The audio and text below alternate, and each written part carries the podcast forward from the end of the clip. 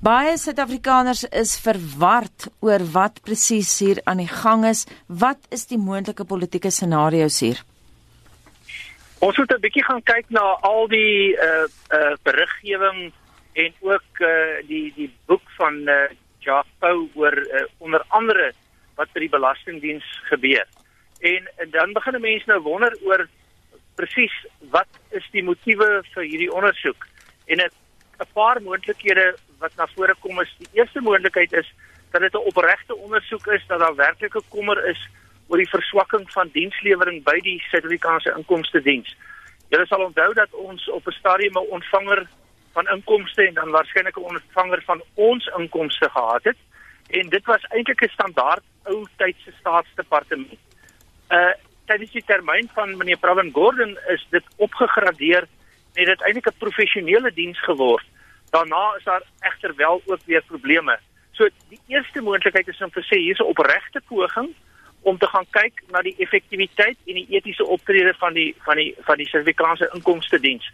Daar is aanduidings dat daar groot onderverhalings is en as die staat nie daar slaag om die inkomstebelasting te vorder nie, dan weet ons ons nou het ons te min inkomste en dan ons hier groot begrotingstekorte. So dis die eerste moontlikheid. Doodgewoon kom ons aanvaar die goeie trou, maar onder die omstandighede is dit taamlik onwaarskynlik. Die tweede moontlikheid is is dat hier 'n poging is om wat dikwels gebeur met kommissies van ondersoek om die ding eintlik 'n bietjie te verdoesel en te laat verdwyn. Sodra jy die kommissie aangestel het, kan jy die ander redenasie gebruik om te sê, ja, ons weet hier is probleme, onder andere soos uitgewys in die media, maar ons is besig om iets daaraan te doen. So ons is nou besig om hierdie ding te ondersoek en onmiddellik het jy 'n ander raam vir die vir die debattering want jy sê ons doen die regte ding.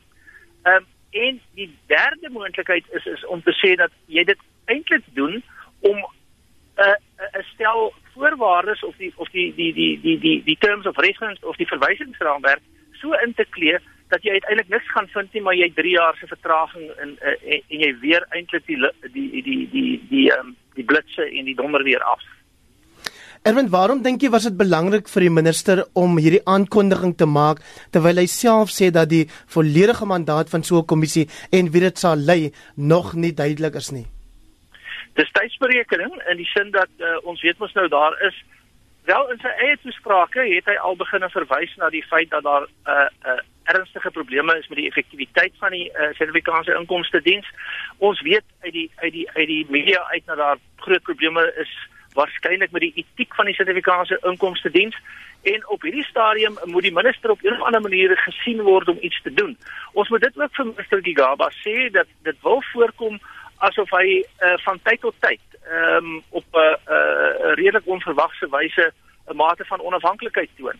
Maar terselfdertyd as 'n mens dit nou koppel dat hierdie saak uitgeklaar is met die president en met meneer Mojane, dan dan dan het 'n mens nou weer 'n idee dat uh, dit is nie baie waarskynlik dat dat dat hierdie goed deeglik en deur dag ondersoek gaan word en dat die kommissie dalk gebruik gaan word as 'n weerlig afleier en 'n en 'n en 'n en 'n speel vir tydstrategie. Verduidelik vir ons uh, hoe jy daai mate van onafhanklikheid uh, sien manifesteer waarna jy nou verwys het. Wel, van tyd tot tyd uh, lyk dit asof die minister en uh, mens weet nou nie of dit deel is van van 'n kommunikasiestrategie nie, maar kom ons uh, verwys maar net kortliks na die feit dat die minister sê daar is nie geld vir vir 'n kernkrag uh, aanleg in Suid-Afrika nie. Dit beteken nie dat die minister van uh, uh, energie ehm uh, uh, meneer Mashloba sê dat hy dit nie gaan oprig nie.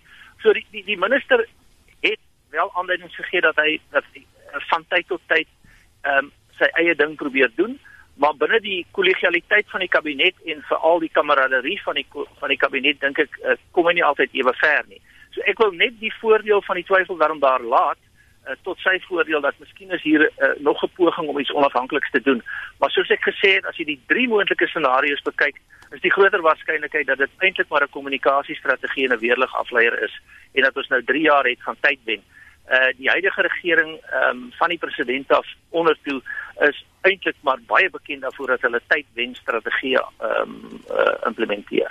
As jy pas by ons aangesluit het, uh, ons skeer nou terug na een van ons hoofstories. Die minister van Finansies sê dat Jacob Zuma ondersoek na die Suid-Afrikaanse Inkomste Diens goedgekeur het en ons praat hieroor met professor Erwin Schwella van die Universiteit Stellenbosch.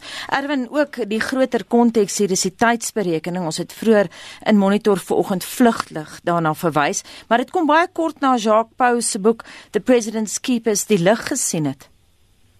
Ja, en I mean so mos nou moet verwag dat in terme van uh, laat ek dit so stel, ek dink nie dat die regering en die minister sal wil gesien word as om in reaksie te wees op uh, meneer Pau se boek nie.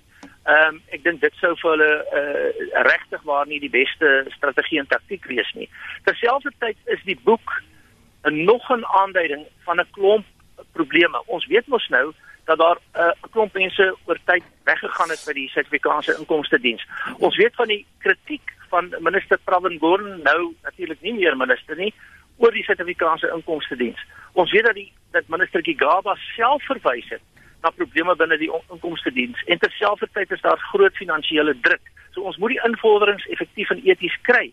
Terloops, ons moet net ook verwys na die feit dat daar dink ek uh, as gevolg van die van van die gebeure 'n probleem begin kom met belastingmoraliteit.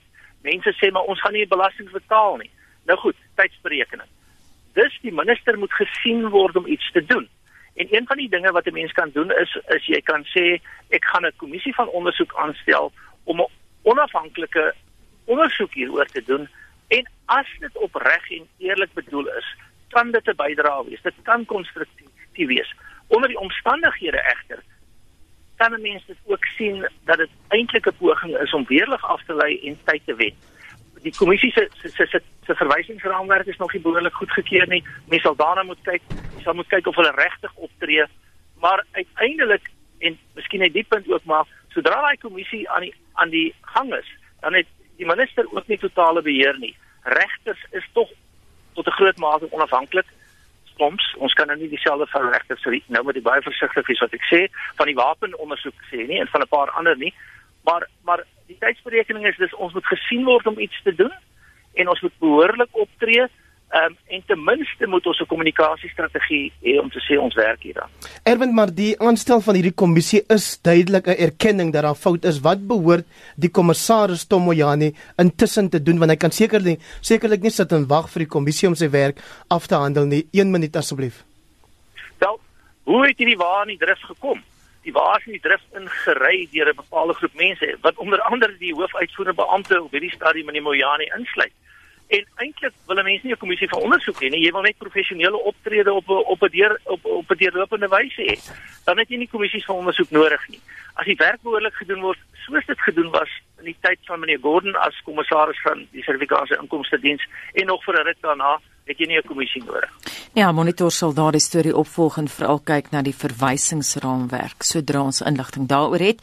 Dit volgend uh, die mening van die politieke en beleidsontleder professor Erwin Schwella van die skool vir publieke leierskap aan die Universiteit Stellenbosch.